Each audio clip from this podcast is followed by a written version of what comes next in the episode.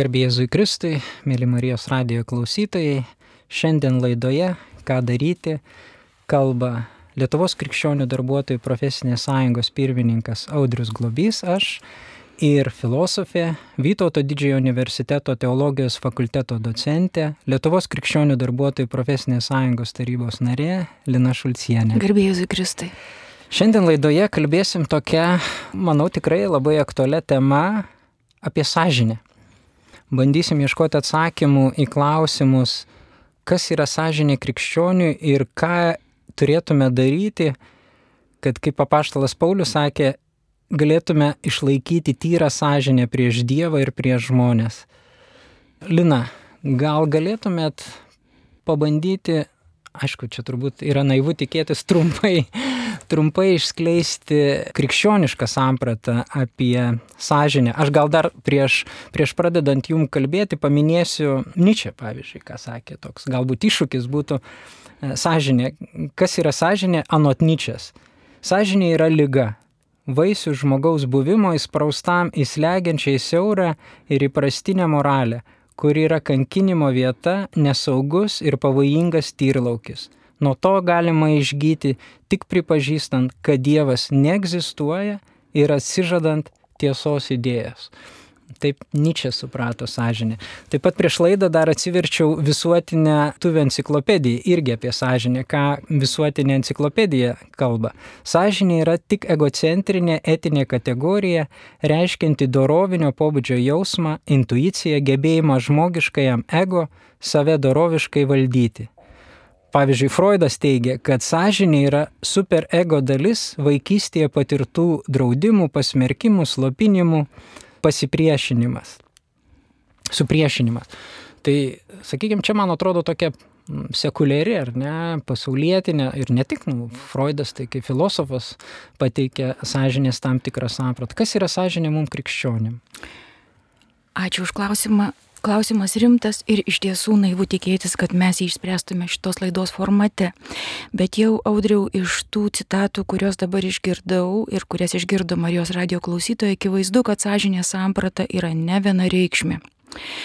Ir mūsų užduotis turėtų būti veikiausiai šitam, nu jau pateiktam mm, sampratų, sąžinės sampratų įvairovės kontekste aptikti, ką krikščionys mano apie ją. Bet šitie pateikti pavyzdžiai yra labai iš tikrųjų charakteringi. Ir Nyčės, ir Freudo, galima būtų junga, jungti į šitą gretą.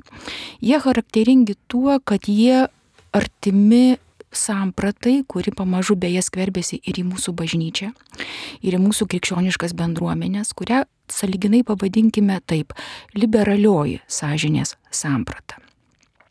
Suprantat, liberalioji sąžinės samprata iš tikrųjų turi gerą pamatą, geras šaknis, ji remiasi klasikiniu moralės teologijos principu, kad sąžinė yra aukščiausia žmogaus norma, vidinė norma, kuri nustato jam tam tikrus gyvensenos orientyrus, o sėkiu yra tam tikras reguliatyvas arba kriterijus, pagal kurį jis vertina savo ir ne tik savo veiksmus.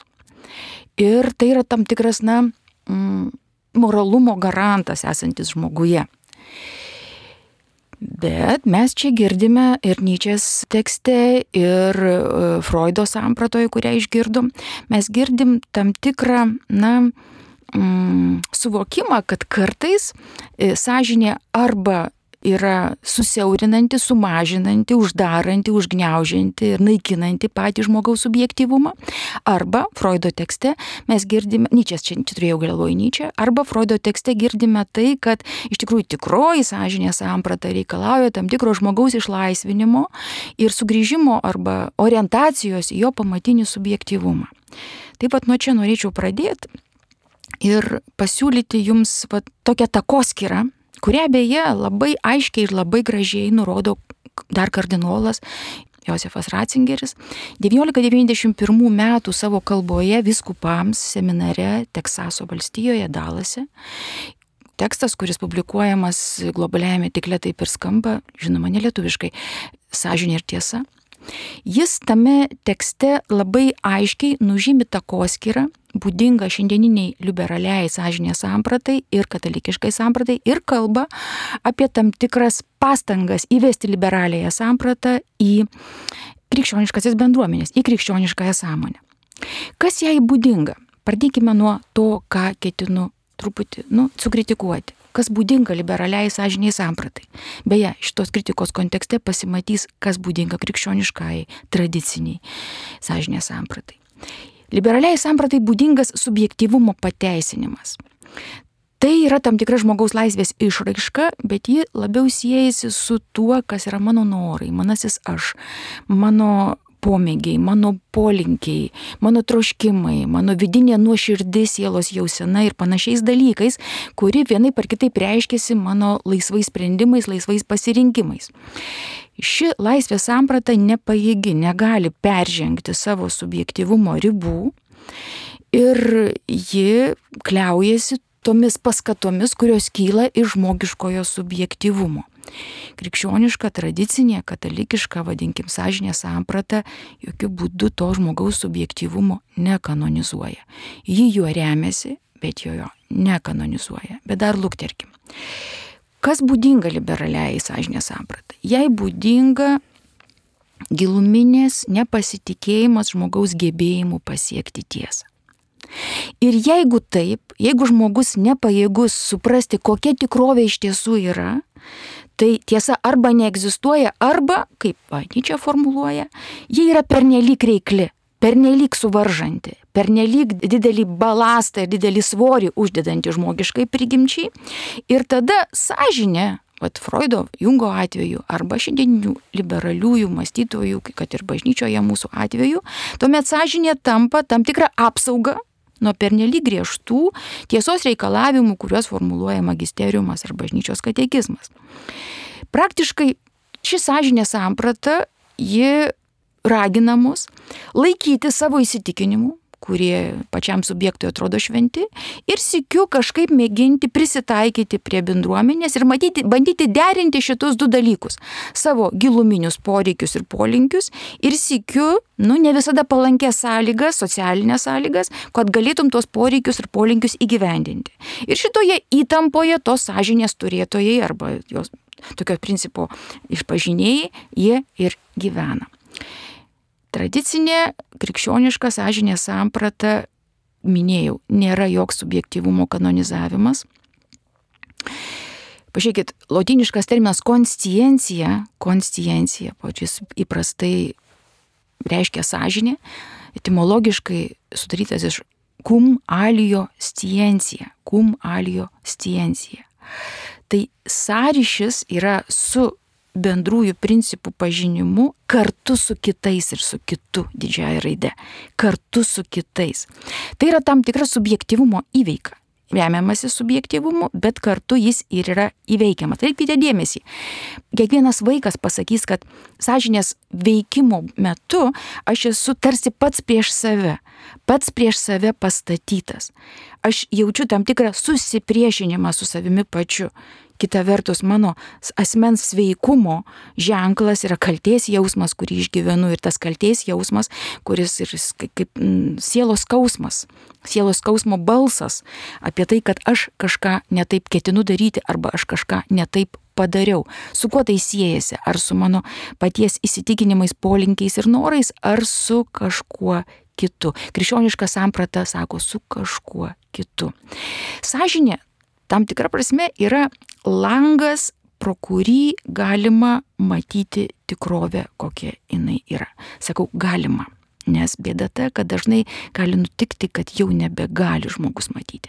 Bet savo prigimtinę galę, kokia žmogui yra duota, ta sąžinė, yra tas langas, pro kurį galiu pamatyti aukščiausią tiesą. Tai kas svarbiausia, tai kas aukščiausia. Tai yra tikrovės pamata. Ar iškart matau? Ne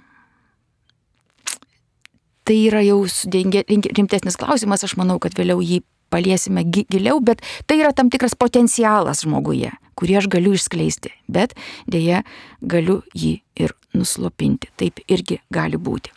Bet savo prigimtinę galę sąžinė duoda pamatą. Sąžinė yra toks įpareigojantis tiesos, katekizme prašta Dievo balsas pačiame žmoguje tai yra tam tikra vidinė būtinybė paklusti pripažintai tiesai, o ne savo paties polinkiams, poreikiams ir norams. Dabar baigiant tą pradinį tokį pristatymą, noriu pasakyti, kad nuo viduramžių katalikų bažnyčioje susiformavo toks požiūris į sąžinę kaip nu, bendriausių būdų dviejų lygmenų atleiskit, struktūrą. Dviejų lygmenų struktūrą ir iš, iš šitiem dviem lygmenim yra jau tradiciškai suteikti du terminai, dažnai jie net neverčiami į nacionalinės kalbas. Aukštesnis lygmuo yra vadinamas sinderezis terminu, žemesnis lygmuo konsciencija terminu. Lietuviškai išvertus nu, praktiškai šie terminai neverčiami, bet pabandysiu paaiškinti lietuviškais terminais. Sinderezis yra tas vidinis, ontologinis, giluminis, pamatinis žmogaus polinkis į Dievą į tiesą, į gėrį, į, į grožį. Bazilijus didysis sako, kad šitas dalykas yra įskiepytas manyje. Kaip Augustinas sako, šitas polinkis į grožį, gėrį, tiesą yra įsodintas į žmogaus sielą. Ir bažnyčios katekizme rasite, kad žmoguje esantis Dievo balsas kalba žmoguje. Ir teologai, filosofai bažnyčios tradicijoje bando aprašyti, ką tai galėtų reikšti. Ir tai yra tam tikras, vadinkim tai, potencialas, potencialas būti sąryšyje su pačiais tikrovės pagrindais, su pačia dieviškos tikrovės gelme. Iš tikrųjų, sąžinės balsas kaip, savo, kaip potencialiam savo lygmenyje atskleidžia mūsų dievišką kilmę, mūsų buvimą ne šio pasaulio gyventojais, o mūsų tėvynės, tai ir mūsų tėvynės Dievo karalystėje priminimo ženklas, tam tikras potencialas, kurį reikia išskleisti. Ir šitas potencialas, vadinamas interesės vardu, jį turi visi. Ironimas komentuodamas Kaino istoriją sako, Kainas neprarado šito balso. Tai buvo sąžinės kibirkštis. Kainas net ir panodėmės jį turi. Kas tai yra? Tai yra, jį turi kiekvienas žmogus ir tai yra tam tikras dėsnis. Gerą daryk, blogio venk. Nuo blogio traukis. Viduramžių teologai sako, murmėk prieš blogį. Mūsų sąžinė murma prieš blogį dažnai, kuris, kuris arba ruošiasi mus ištikti, arba jau mus ištiko. Tai yra toks pamatinis principas - daryk tai, kas gera ir venk blogo. Ir jį turi visi žmonės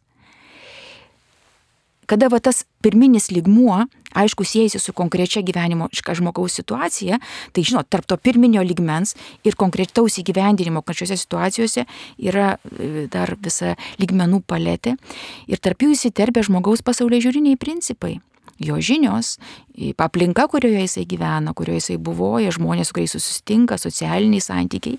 Ir bėda ta, kad tą pamatinį principą gerą daryk, tą amžinąją tiesą esančią žmoguje ir blogio venk, žmogus dėl savo pasirinkimų arba dėl aplinkos, kurioje jis gyvena, dėl kultūrinės konteksto, jis, nu, transformuoja, pritaiko. Ir mes turime labai skirtingas pasaulyžinės sistemas ir Nyčės, ir Freudo, ir Jungo, ir šiandieninių liberalų, ir ateistų, ir visų kitų. Ir nepaisant to, kad mes visi turime sinderezis, gerą daryk, blogio venk, bet gėrį ir blogį mes suprantame skirtingai. O čia jau prasideda žmogaus laisvės pasireiškimas. Jo paties įvardymo arba jo paties gėrio ir blogio objektų nustatymo veikla. Kodėl mes skirtingai pasirenkam tuos dalykus? Aišku, tai yra atskiras klausimas ir, ir kodėl krikščionys sako, kad jų pasirinkimas, kas yra gera ir kas yra bloga, yra tas taikliausias ir pats teisingiausias. Kodėl jie taip sako?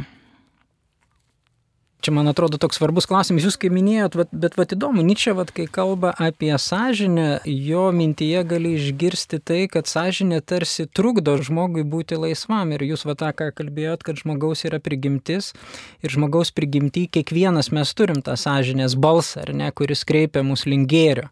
Ačiū už klausimą. Bet, bet tai, iš tikrųjų mm -hmm. žmogus tada, jeigu yra kreipiamas lingėrių, jis nebegali pasirinkti blogio, ar ne? Ir vat, Nyčia kalba apie tai, nu, vat, irgi jo mintį, jeigu pažiūrėsim, kad nuo to išgyti, jis naudoja įdomią savoką, išgyti.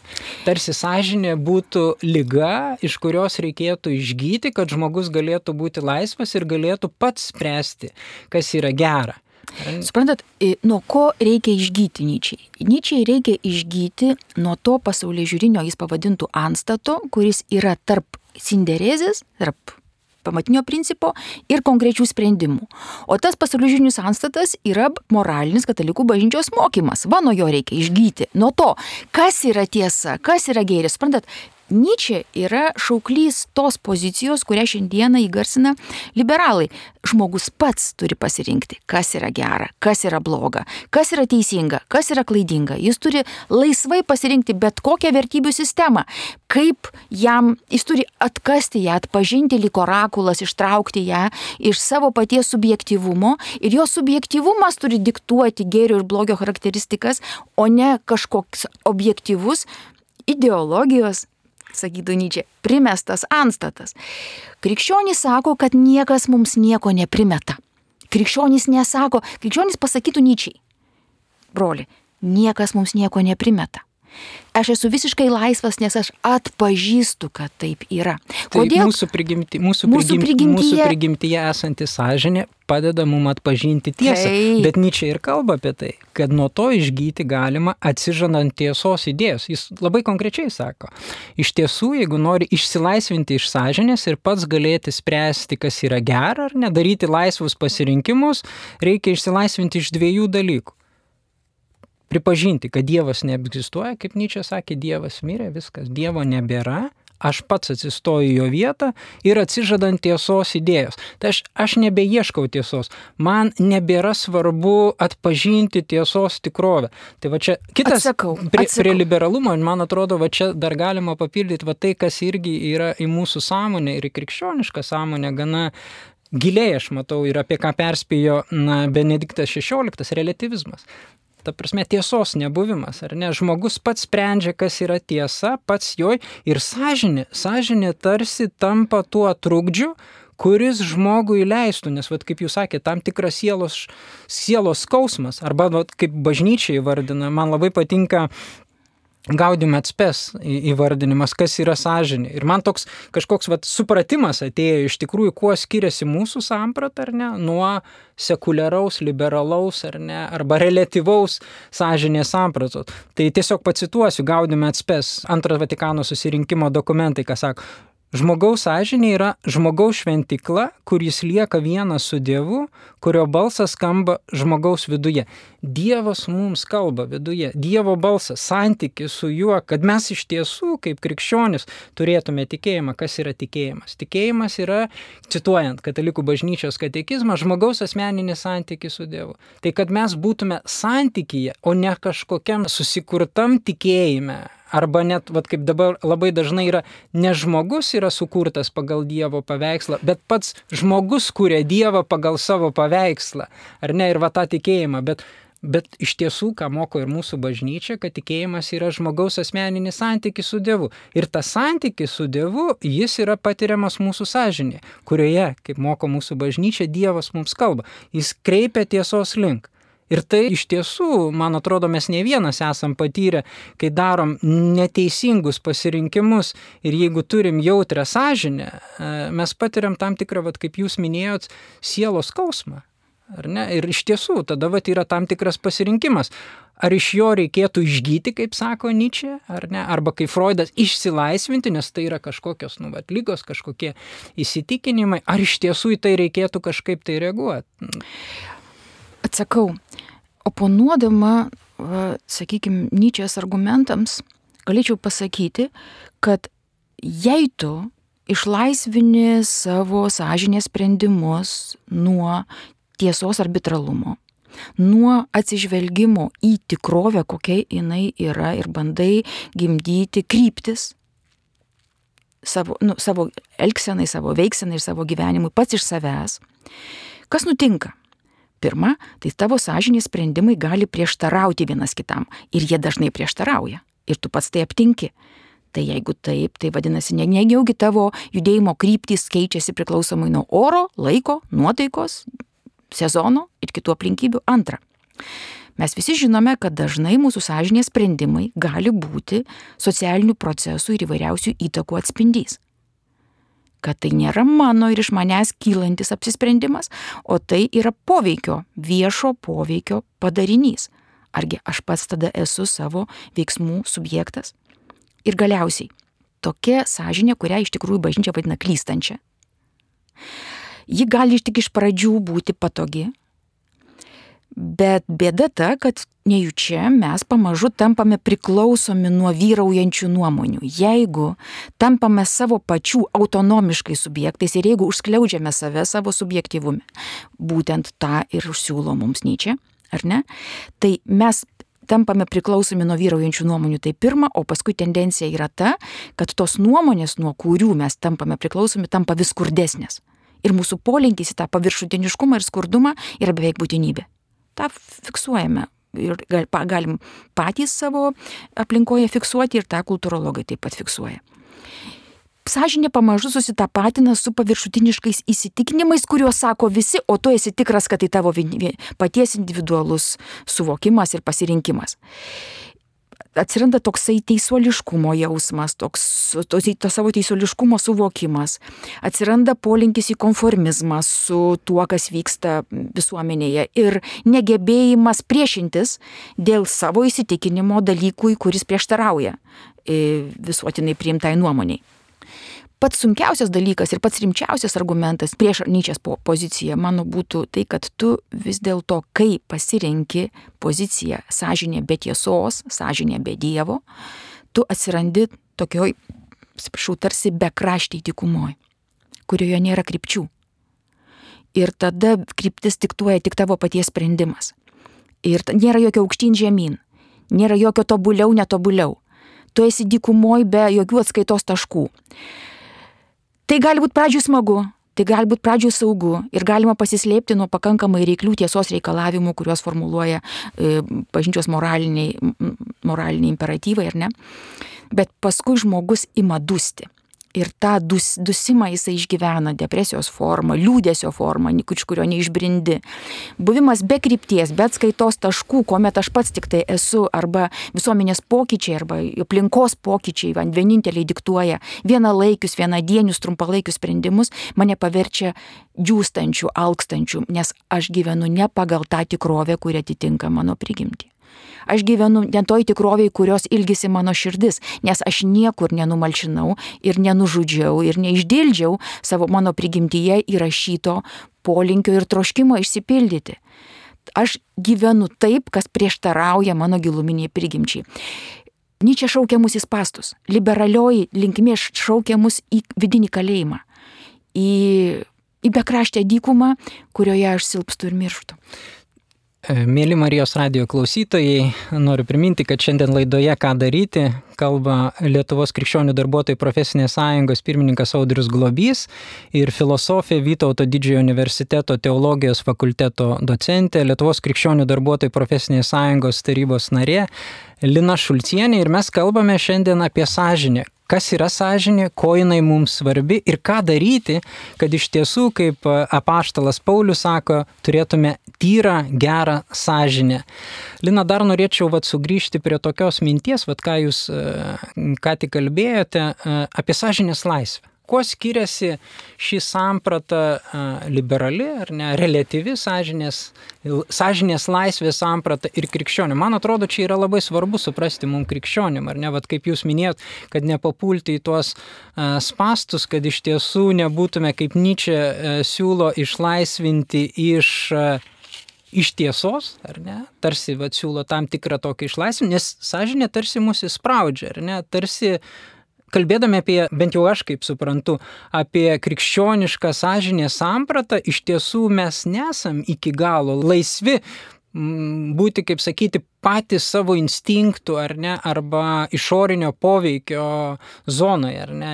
Nes mūsų prigimtis kreipia mus link tiesos, link gyvenimo tikslo, link amžinojo gyvenimo ir siela yra ta vieta, kaip mūsų bažnyčia įvardina, kurioje Dievas mums kalba, kalba apie pasirinkimus, ar ne, tą daryk, to nedaryk, tą daryk, ar ne, ir tarsi sukausto mūsų tą laisvę.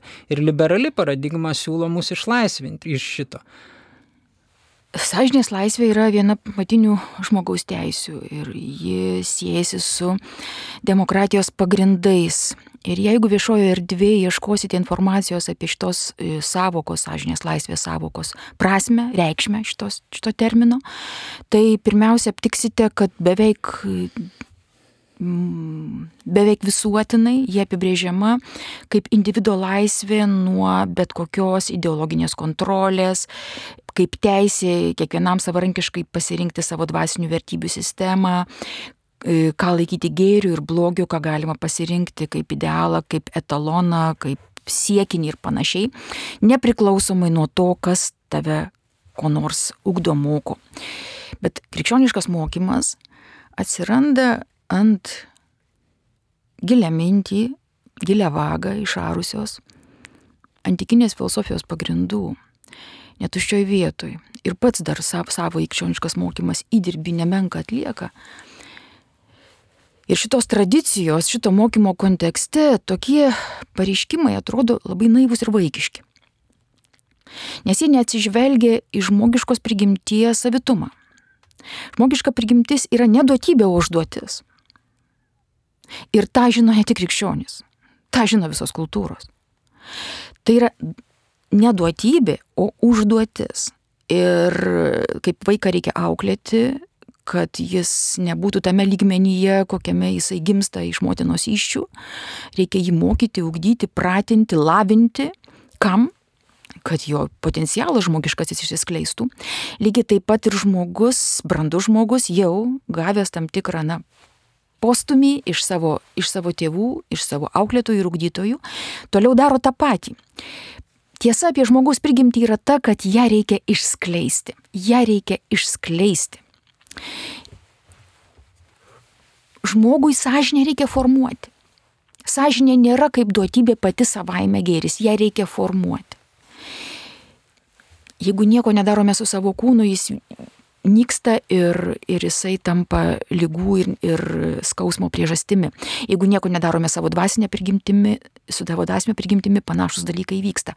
Mūsų prigimties sąranga yra tokia, kad mes turime tam tikrą paketą galių, kurias reikia tobulinti ir vystyti. Ir moralės esmė, moralės esmė yra prigimtinių davinių, kuriuos tu turi, išskleidimas gėri, gėrių vadinami dalykai, kuomet yra išskleidžiamas, aktualizuojamas, aktyvizuojamas per pastangą, per pastangą žmogaus prigimtinis potencialumo paketas.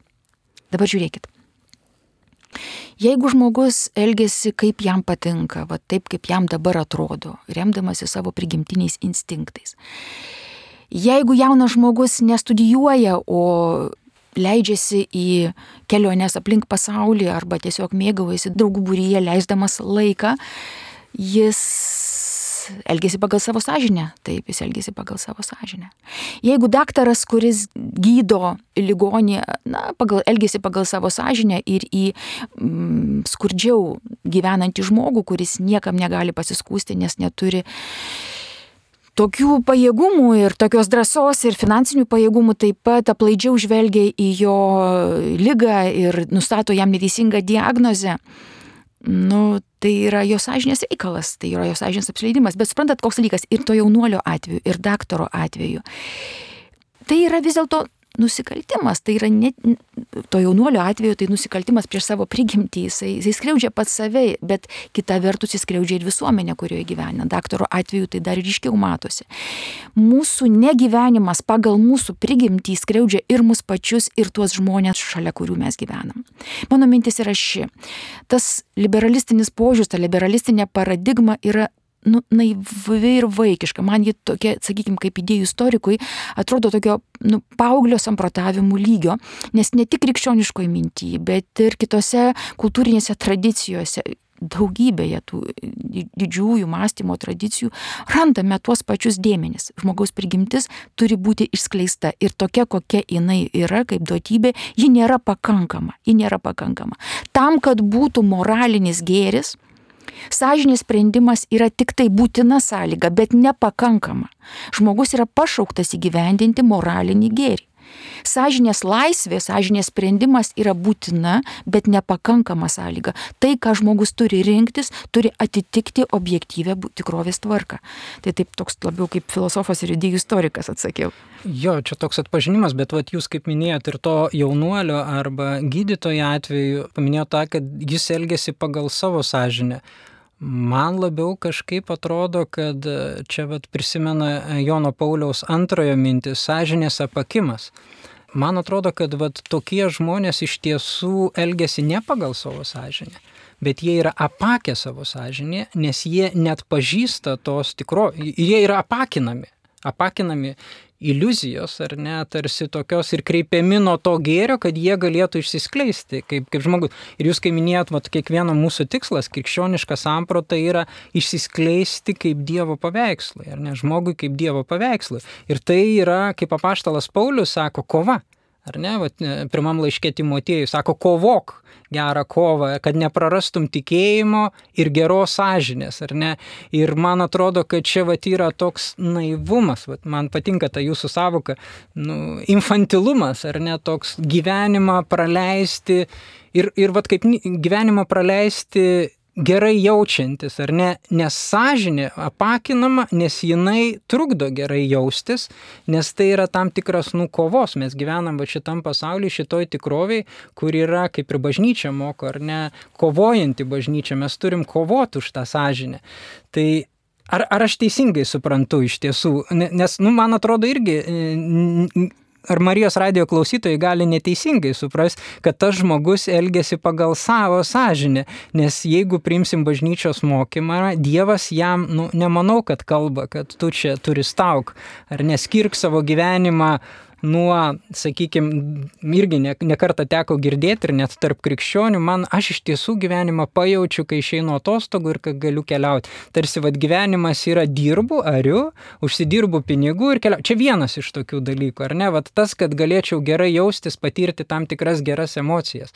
Bet ar tai iš tiesų yra sąžinės balsas, ar ne? Ir ar iš tiesų tai yra Dievo valia? Ar subjektivumas ir subjektivumo pateisinimas yra sąžinė. Va toks taip, yra klausimas taip, iš tikrųjų. Taip, taip. Aš dar norėčiau paaštrinti šitą klausimą dar labiau. Mane iš tikrųjų, nu, gal Marijos radio klausytojams savai aišku, bet mane kaip filosofą labai pribloškė katalikiškose vadovėliuose, kurie analizuoja sąžinės tematiką, aptiktas samprotavimas apie tai, jog sąžinės reikia klausyti, kokia ji bebūtų, klystanti ar neklystanti, ką jį liepia ar draudžia ir daryti, ką jį leidžia. Ir remiamasi apaštalo Pauliaus laiškė romiečiams 14 skyriuje 23 eilutėje esančia ištarme, kad visa, kas daroma ne pagal įsitikinimą, yra nuodėmė. Visa, kas daroma ne pagal įsitikinimą, yra nuodėmė. Katalikiškose moralės vadovėliuose yra formuluojama tezė, kuri mane pribloškė, kad net jeigu tu turi klystančią sąžinę ir elgiesi pagal tą įsitikinimą ir tu manai, kad tai yra gera, tu nenusidedi. Man tai buvo iš tikrųjų dėl to šokas, nes na, ir, ir rusai kovoja Ukrainoje pagal savo įsitikinimą, nes jiems tai atrodo gera ir teisinga. Ir savo laikų vergovė buvo laikoma gera ir teisinga ir žmonės gyveno tuo metu ir kalbėjo apie moralinius įsipareigojimus ir apie gerą ir blogą laikyseną savo gyvenime. Ir moterų priespauda buvo savaime suprantamas dalykas ir šiandieninė yra Indijos kastų sistema irgi yra savaime suprantamas dalykas ir nu, daugybė dalykų istorijoje ir šiandieninėme pasaulyje yra tokių, kuriuos šiandien mes laikome nusikaltimais. Bet jie yra praktikuojami, yra ir buvo, nes žmonės buvo įsitikinę, jog elgesi teisingai ir gerai. Ir mane tas suglumino. Ir pagal moralės mokymą katalikišką yra sakoma taip, jeigu žmogus elgesi pagal savo įsitikinimus, tai ką jis daro, nėra nuodėmė. Ir Stalinas nėra nusidėlis, ir Putinas nėra nusidėlis, ir panašius dalykus. Ir tada, aišku, aišku, tai yra provokacija, be abejonės, tai yra provokacija. Jis remiasi paštalo Paulius laišku. Ir, ir, bet suprantat, kaip yra aiškinamas šitą laikyseną, kaip yra aiškinama. Sako, tai yra rizika mažesnė, Jeigu žmogus elgesi pagal savo įsitikinimus, nu, lengvesni, švelnesni atveju, jeigu žmogus meluoja ligoniui, sunkia lyga sergančiams ir mano, kad tai yra Dievo valia ir artimo meilės įstatymo įgyvendinimas ir nesako jam, kad jisai sunkia lyga serga, jis sako, kad tai pasveiks, tai žmogus nenusideda ir nes jisai elgesi pagal savo įsitikinimus. Būna žmonių, kurie sako, galvoja, kad velniai griebtų sakyti yra baisi nuodėmė, nors tai objektyviai nėra baisi nuodėmė. Ir jie nusideda, jeigu jie sako, velniai griebtų. Bet tokius samprotavimus aš radau iš tiesų moralės vadovėliuose į tokius samprotavimus mokosi seminariuose katalikų teologijos fakultetuose mūsų studentai, nes tai yra sudėtinė moralinės teorijos dalis, moralinės teologijos dalis. Kodėl tas yra gerai? Pabandykime iš šito blogio išpešti gėrį, ne? Kodėl tas yra gerai? Nes sakoma, jog turėti orientacinę sistemą, įsitikinimų paketą yra geriau negu jo iš viso neturėti. Didesnė rizika yra tada, jeigu žmogus iš viso yra įsitikinęs, kad jokios objektyvios tiesos, kažkokių įsitikinimų neįmanoma pasiekti. Aš esu visiškai laisvas ir priimu bet kokius sprendimus, kurie ateina iš išorės.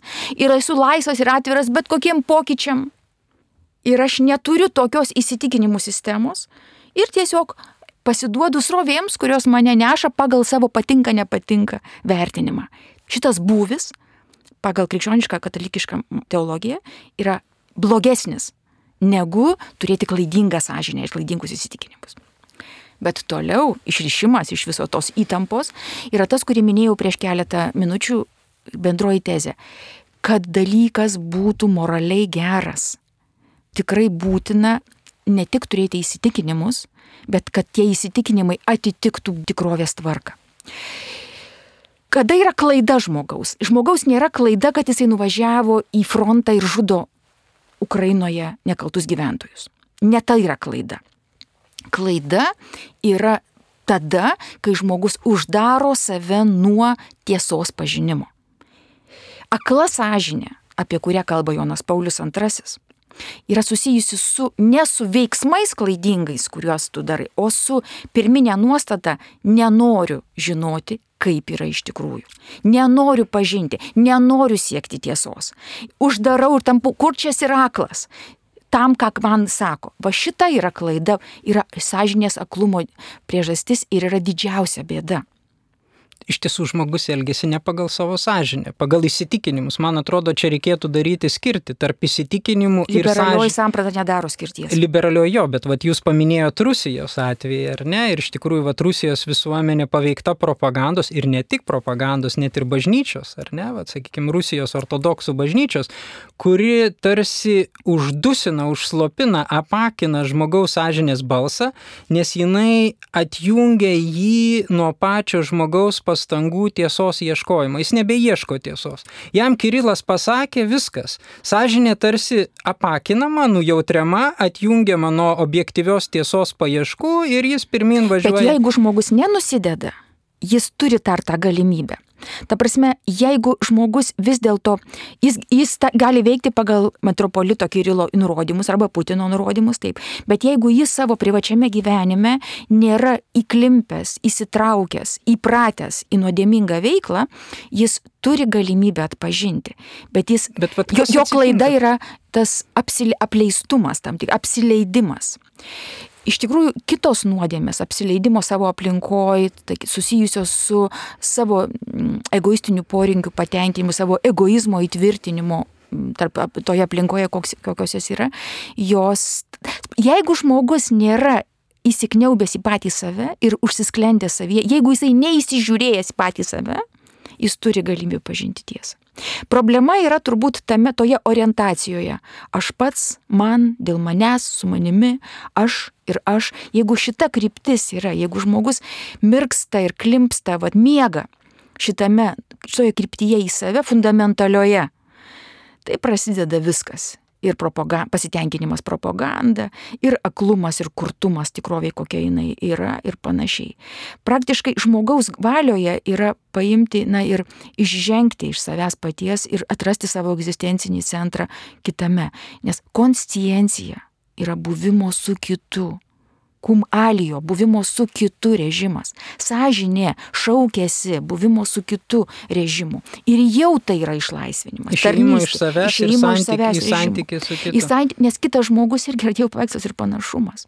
Ir galima sakyti, kad tarnystė, savo, nu, savo poreikių nustumimas į antrą planą jau yra žmogaus išlaisvinimas. Išlaisvinti iš tikrųjų žmogų reikėtų iš savęs paties kad girdėti Dievo balsą savo sąžinėje. Dievo balsą savo ir sąžinė, artėjant į pabaigą laidos, kadangi esam formate, ką daryti, Lina, tai jūs jau pradėjote apie tai iš tiesų kalbėti, bet vat, toks klausimas, ar ne, iš tiesų, ką reikėtų daryti, kad turėtume gerą sąžinę ir mūsų sąžinė nepaktų. Kok... Sąžinė turi būti formuojama. mano tezė ir norėčiau ją kažkaip pabrėžti, ją vis pulsuoja, jinai čia toj mano kalboje per visą laidą, kad mes esame tik užduotis. Mes turime formuoti savo sąžinę. Pradžioje laidoje sakiau, kad viduramžiškas modelis, kuris iki šiol yra puoselėjimas ir neprarado savo svarbos, išskirti du sąžinės lygmenis, vieną paminėjau, kito ne. Jis pirmasis yra sinderezis, kurį mes, kuris neiš, ne, neišdildomas ir kaip potencialas, kurį beje nu, galima užmigdyti ir užslopinti orientaciją į savo, save patį, bet vis tiek ta dieviška kibirkštis, kaip ir kaino širdį, jinai vis tiek išlieka. Tokia kryptis į dieviškąją tikrovę, tai yra sinderezis, o antrasis konsciencija, tai yra konkrečių vertinimų ir konkrečių sprendimų ligmuo. Jeigu mes tą savo potencialą, kuris yra pirmajame lygmenyje, skleisim, Jeigu stiepsimės į pažinimą, į atvirumą tiesai, juk kūrinyje mus įpareigoja. Ta prasme, na, mes esam kalti, jeigu kūrinyje nematome tikrovės tiesos. Tai yra pirmasis tekstas, kuris mums atvertas. Pasižiūrėk, kokia tikrovė yra. Pažiūrėk, kokia yra kūrinijos tvarka. Atverk savo akis. Ir grožių, ir gėrių, ir tiesai, kuriame yra. Yra Dievo žodis, kuris yra šventajame rašte. Yra bažnyčios mokymas, kuris, Dieve mano, prieš mano subjektyvų pasirengimą ir informuotumą yra neišmatuojamai didesnis Everestas negu aš pats. Aš galiu sakyti ir vat mostelti bažnyčios autoritetų ir sakyti, o aš manau kitaip, bet su mano išprasimu, su mano išmanimu ir su tuo mokymu, kuris pastatytas lipant ant kitų mokytojų pečių ir nuo jų matant toliau, kuomet tūkstančiai žmonių su didžiuliu įdirbiu ir su, ir su pastangomis vien lipdami vis į aukštesnį ir gilesnį ir pažinimą siūlo man mokymą, moralinį katalikų bažnyčios mokymą. Ir aš su savo, o aš manau, perskaičias pusantro straipsnio, nu atleiskit, tai akivaizdu, kad mano nu, laikysena prieš šitą modelį nu, yra paika ir vaikiška. Taip sutinku studentų pirmajame kurse, kurie perskaitė pusantro straipsnio, sako, manau, kad Aristotelis klydo. Ta laikysena dažnai mūsų visuomeniai tampa na, pakankamai pasklidusi. Tas mano atvirumas tiesai yra atvirumas mokytis, atvirumas pažinti, atvirumas suprasti, atvirumas klausyti. Bet dera žinoti, kad jeigu esu įklimpęs nuodėmiai, tai mano ausis tampa kurčios ir akis tampa aklos. Taip, mano vidinis švarumas yra pagalba arba jeigu jo nėra, tai kliūtis žengti prie tiesos. Čia prisimena Evangelijos žodžiai, kad palaiminti tai yra širdžiai, jie regės, jie regės Dievą. tai yra širdis, tai yra širdis tiesos atpažinimas. Įregi, tai yra širdis regi. Bet turiu dėti ir pastangas turiu dėti ir pastangas. Man menasi vat, nuostabus Platono pasakymas - žmogau pažinimas tave tyrina ir skaistina, bet nekintančių ir praeinančių dalykų. Ne bet koks pažinimas, neskaityti romanus ir klausyti, žiūrėti filmus ir skaityti laikraščius. Pažinimas amžinų dalykų, kurie nekinta, tyrina ir skaistina pats pažinimas tyrina ir skaistina. Ne tik tavo moralinė elgsena. Bet dabartiniam pasaulyje nėra paprasta iš tiesų, nes ta visa visuomenė, kultūra ir labai daug antikultūros, ar ne, žmogui iš tikrųjų, man atrodo, va tą, ką daro, ką, ką sako ir Nyčia, ar ne, bando išlaisvinti. Bet iš... sąžinė yra ir, sąžinė žodis yra ir su pažinimu, sužinojimu, sužinės. Jisai leidžia atpažinti, kas tinka, augina mane tiesos pažinime, o kas slopina mano potencialą pažinti tikrovę, kokia jinai yra. Ir žmogus sąžinė yra ta, kuri skundžiasi, kuri verkia, kuri, kuri sako, tai yra ne tai, ne tik po veiksmo. Sąžinė kalbagi ir prieš veiksmą, sąžinė kalba prieš filmą, prieš tekstą, kurį skaitau, prieš anegdotą, kurį netrukus išgirsiu. Ji yra ta, kuri atpažįsta. Ji, ji sako, tai tinka, o tai ne. Jo, bet šitoj vietoje, jeigu sąžinėje girdim tą balsą, man atrodo, kitas pavojus yra tapti murmančiais krikščionimis, ar ne? Nes sąžinės balsas kreipia į veiksmą, jūs kaip minėjote, tam tikrą išėjimą iš savęs. Va čia irgi, man atrodo, yra tam tikras toks pavojus ir dėl to labai dažnai... Murmėjimas be veiksmo yra netyrumo ženklas. Ar Tomas Takvinėtis pasakė, kad jeigu tu murmi ir kalbi, vat, kokie, kaip netinkamai elgesi tie kiti, o, o pats nieko nedarai, tai yra tavo jau iš karto, tai yra raudona lemputė, kad kažkas negerai su tavo tyrumu. Ačiū, mėla Lina. Ir laidą norėčiau pabaigti Jono Pauliaus antrojo žodžiais, kuriuos jis yra pasakęs enciklikoje Veritatis Splendor tiesos didybė apie sąžinę. Cituoju Joną Paulių II. Norėdami turėti gerą sąžinę, žmogus turi ieškoti tiesos ir spręsti pagal ją. Tai linkiu savo ir mum visiems ieškoti tiesos ir vis labiau atskleisti savyje žmogų sukurtą pagal Dievo paveikslą. Ačiū Lina, ačiū Jums Marijos radio klausytojai, iki kitų susitikimų. Sudie. Jėzui Kristui, sudie.